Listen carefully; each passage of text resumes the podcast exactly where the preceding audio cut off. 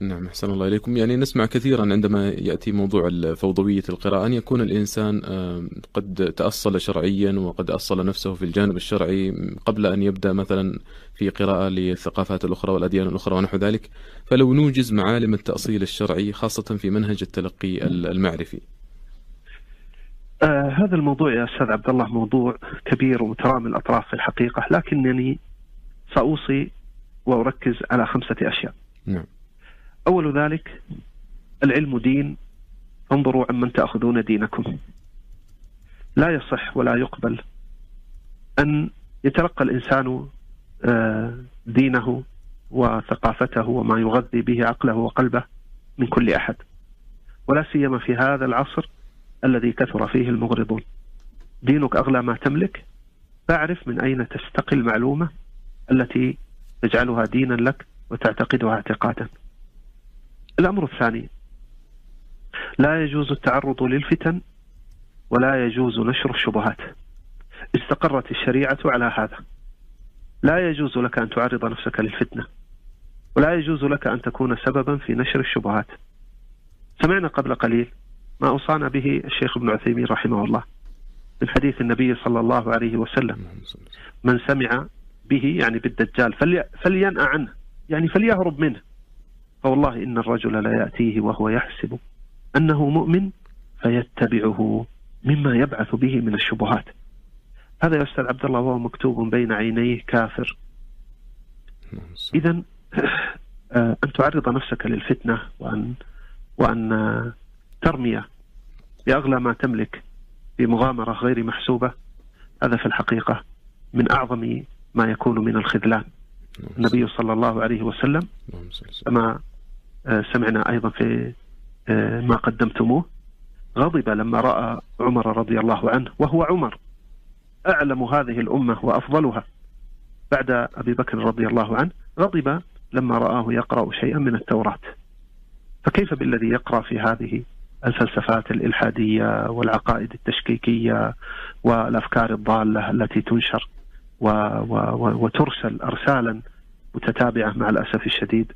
إلى عقول الشباب. الأمر الثالث الشرع هو المعيار والشرع ميزان الأمور كلها وشاهد لفرعها وأصلها. والله سبحانه وتعالى يقول فإن تنازعتم في شيء فردوه إلى الله والرسول إن كنتم تؤمنون بالله واليوم الآخر. ذلك خير وأحسن تأويلا. ليس المرجع إلى عقل ولا إلى عادات ولا إلى آراء إنما المرجع والمعيار الذي توزن به كل الأشياء هو شرع الله الحنيف نعم. الأمر الرابع منهج السلف الصالح الذين هم صفوة هذه الأمة وأفضلها وأقربها إلى الحق والصواب هو البعد عن المشوشات على العقيدة. ولذا تواتر عن السلف رحمهم الله الوصية بالبعد عن الاستماع إلى أولئك الذين فتنوا في دينهم وصاروا من دعاة البدع والضلالة. صاروا ينشرون الشر والفساد على الناس. فتجد أحدهم يوصي فيقول لا تستمع إلى مبتدع. بل بعضهم يوصي أن لا يجاور إنسان مبتدعا. يأتيه وهو عالم نحرير وإمام كبير ومع ذلك يأتيه مبتدع فيقول قف أقول لك كلمة. قال والله ولا نصف كلمة. وآخر يأتيه مبتدع وهو إمام عظيم فيتحدث أمامه وإذا به يضع إصبعيه في أذنيه. لا يريد أن يسمع منه كلمة واحدة. لما؟ لأن الدين غال في نفوس هؤلاء. وليس عندهم استعداد أن يجعلوه في محب الريح. إذا إذا كنت متبعا للسلف الصالح عليك أن تبتدع أن تبتعد على عن كل ما يشوش عليك عقيدتك. الأمر الخامس والأخير نعم. احرص على ما ينفعك. هذه وصية النبي صلى الله عليه وسلم. احرص على ما ينفعك. يا ليتك تكتبها يا أيها المسلم وتضعها بين عينيك. احرص على ما ينفعك. أشغل نفسك بالمفيد ودعك مما سوى ذلك. اليوم يا أستاذ عبد الله نسمع من يقول نحن أمة اقرأ وأمة اقرأ لا تقرأ. أنا أود أود أن أن, أن تذكر الجملة بصورة صحيحة. نحن لسنا أمة اقرأ. وينتهي الكلام. نحن أمة اقرأ باسم ربك الذي خلق. ليس المقصود أن نقرأ. المقصود أن نقرأ النافع. هذا هو المهم. وإلا فعدم القراءة قد يكون أنفع للإنسان. قد يكون أنفع للإنسان من من من من قراءة تورده الموارد. وبالتالي ليس المهم يا أيها المسلم الذي يوقن بلقاء الله سبحانه وتعالى ليس الموقن ليس المهم ما تقرأه الآن بقدر ما ستقرأه غدا إذا وقفت بين يدي الله سبحانه وتعالى فقيل لك اقرأ كتابك. كفى بنفسك اليوم عليك حسيبا القراءة المثمرة هي التي تقربك إلى الله سبحانه وتعالى. هي التي تقودك إلى رحمة الله بتوفيقه سبحانه حتى تقول هاؤم اقرأوا كتابي. لكن حذاري من أن تقول يا ليتني لم أوت كتابيه اقرأ ما يقربك إلى الجنة ويباعدك عن النار. اقرأ ما يثقل به ميزانك. اقرأ ما ينفعك في دينك ودنياك. اقرأ باسم ربك الذي خلق.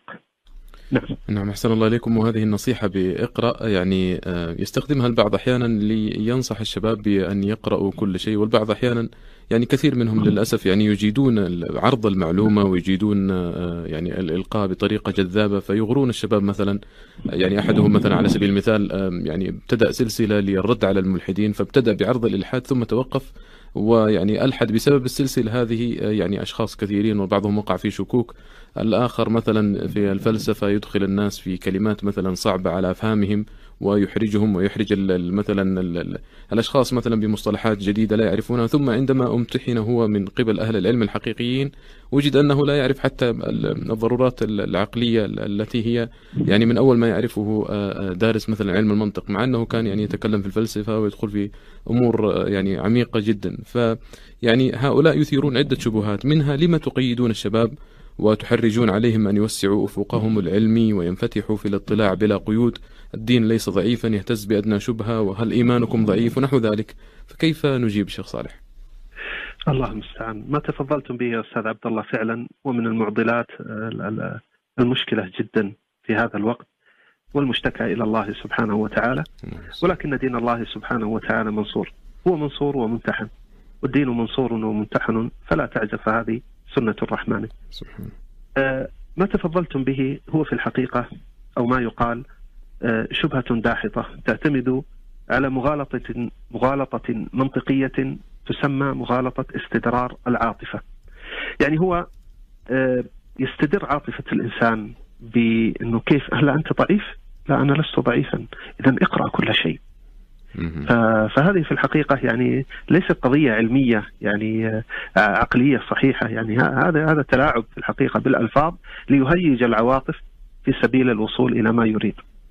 الجواب عن, عن هذه الشبهة على وجه السرعة بحسب ما يسمح به وقتنا نعم. وفي خمسة أوجه مختصرة. نعم. أولا دين الله سبحانه وتعالى قوي والخوف ليس عليه. إنما الخوف على الإنسان الضعيف الذي وصفه من خلقه سبحانه وتعالى بأنه ضعيف وخلق الإنسان ضعيفا.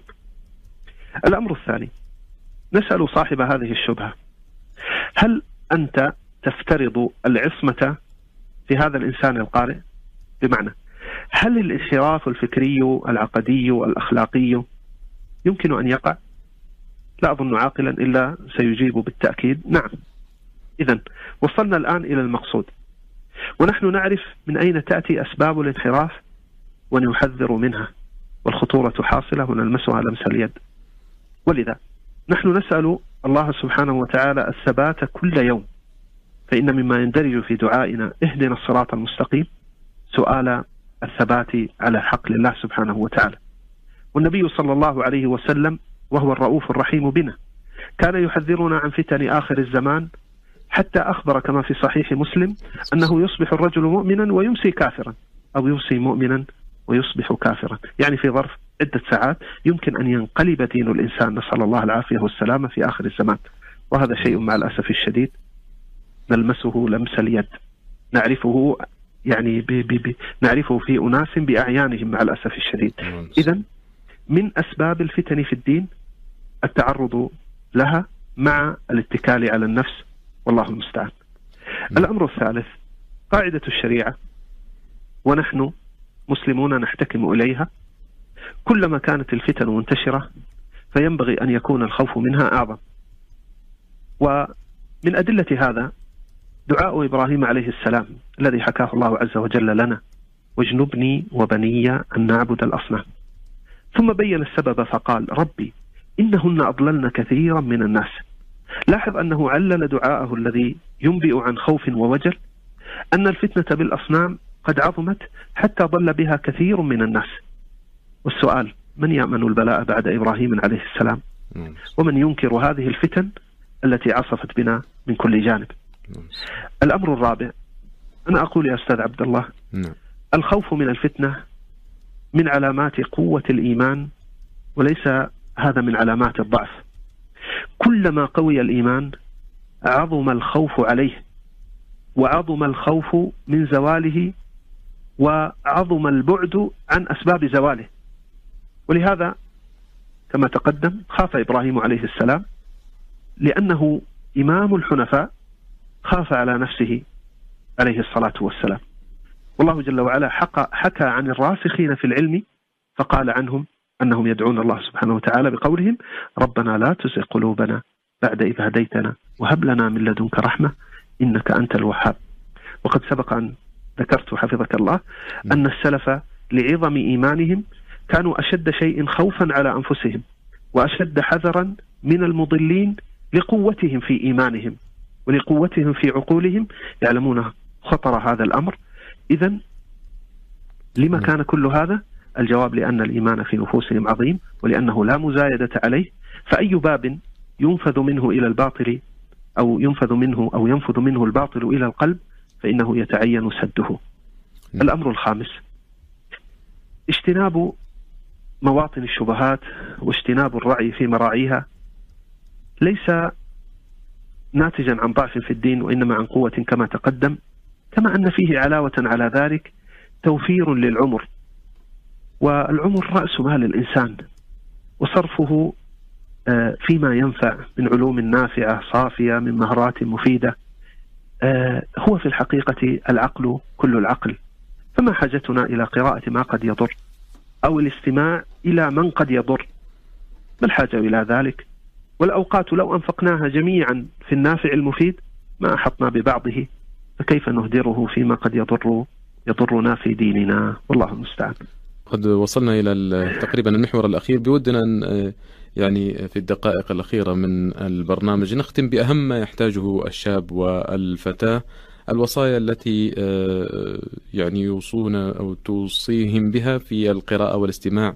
من واقع خبرتك بأي شيء ستوصي الشباب والفتيات؟ والله يا شيخ آه، عبد الله حقيقة آه، أحيانا أهم فقرة تكون هي الأخيرة ويضيق الوقت فيها. ما أدري إيش للأسف. حقيقة بين يدي عشرون وصية ولكني أرى أن الوقت آه، يداعم فما أدري. آه، لعلي سأقتصر على رؤوس الأقلام كما يقولون وأسردها سردا. آه، فما لا يدرك كله لا يترك كله. نعم. أول وصية حفظكم الله. احذر من الغرور المعرفي وتحلى بالتواضع المعرفي.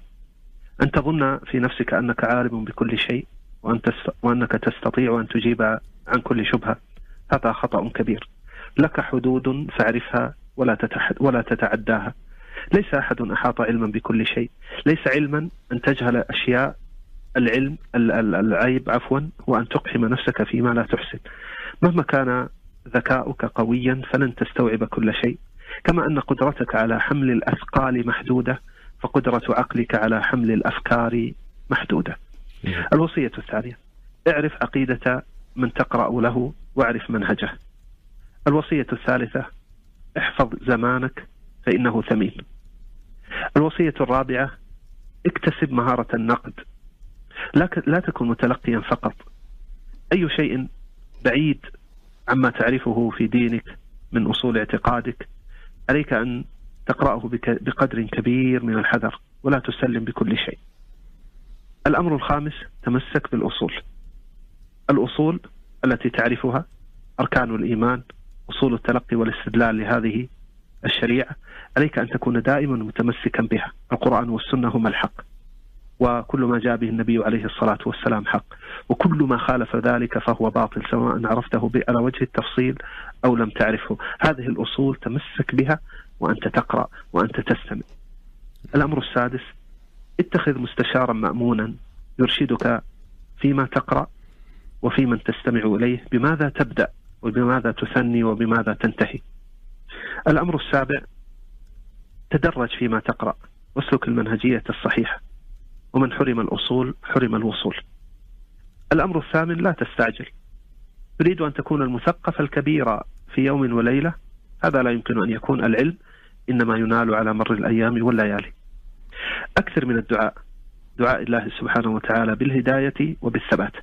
المقصود من هذه الثقافة والاطلاع الوصول إلى الهداية. فاسألها من هي بيده. الأمر العاشر آه الكيف لا الكم. بمعنى ليس المهم كم كتابا قرأت. المهم ماذا استفدت. وإلا فقد تكون كثرة الكتب تزيدك حيرة على حيرتك. الأمر الحادي عشر.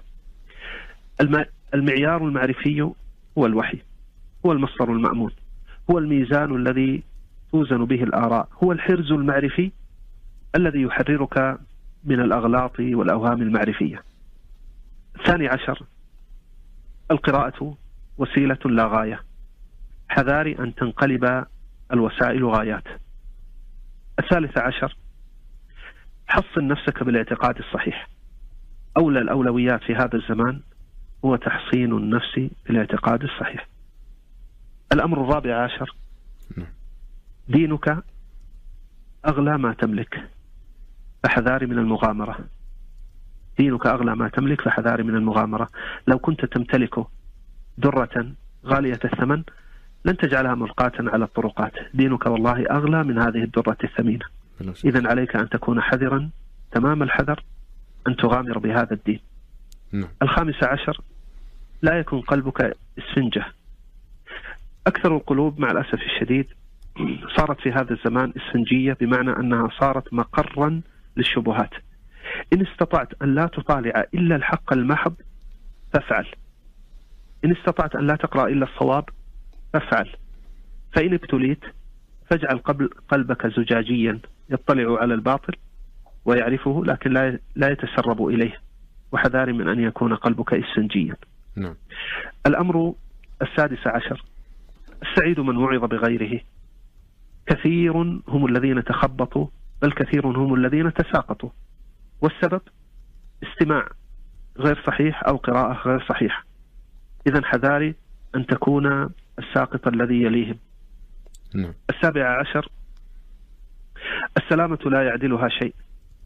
فاحذر المغامرات المعرفية والتريث والاحتياط ليس جبنا بل هو الشجاعة العقلية الصحيحة. الثامن عشر حذاري من أن تخدعك التلبيسات والشعارات. التاسع عشر القلوب ضعيفة والشبه خطافة. هذه حقيقة لا ينبغي أن تغيب عن ذهنك. الوصية العشرون وهي الوصية الأخيرة. الشهرة ليست معيار الثقة. المشهورون اليوم مع الأسف الشديد كثيرون ولكن هذه الشهرة قد تكون ناتجة عن أسباب ليس منها آه، الثقل العلمي والتوسع المعرفي. كثير أو أقول بعض المشهورين في الحقيقة هو خاو من المعرفة خاو من العلم الأصيل. العلم الصحيح. ولذلك لا تجعل معيارك في القبول والتلقي للمعلومات والعلوم وأنك أخذتها من شخص مشهور في وسائل التواصل. فهذا في الحقيقة معيار غير دقيق. أسأل الله عز وجل أن يحفظني وأن يحفظك وأن يحفظ المسلمين جميعا من مضلات الفتن. اللهم آمين شكر الله لكم فضيلة الشيخ الأستاذ الدكتور صالح بن عبد العزيز السندي أستاذ العقيدة بالجامعة الإسلامية هذا الحديث الماتع عن فوضى القراءة والتلقي وقد وصلنا إلى ختام هذه الحلقة فمن أراد الاستزادة حول هذا الموضوع هل تقترحون عليه شيء؟ آه، أنا في الحقيقة سأوصي بشيء هو ثمرة لكل ما سبق. نعم. أوصيك رعاك الله أخي المستمع الكريم بأن تجعل لك كتبا آه، قليلة عبارة عن أصدقاء لك. ما معنى أصدقاء؟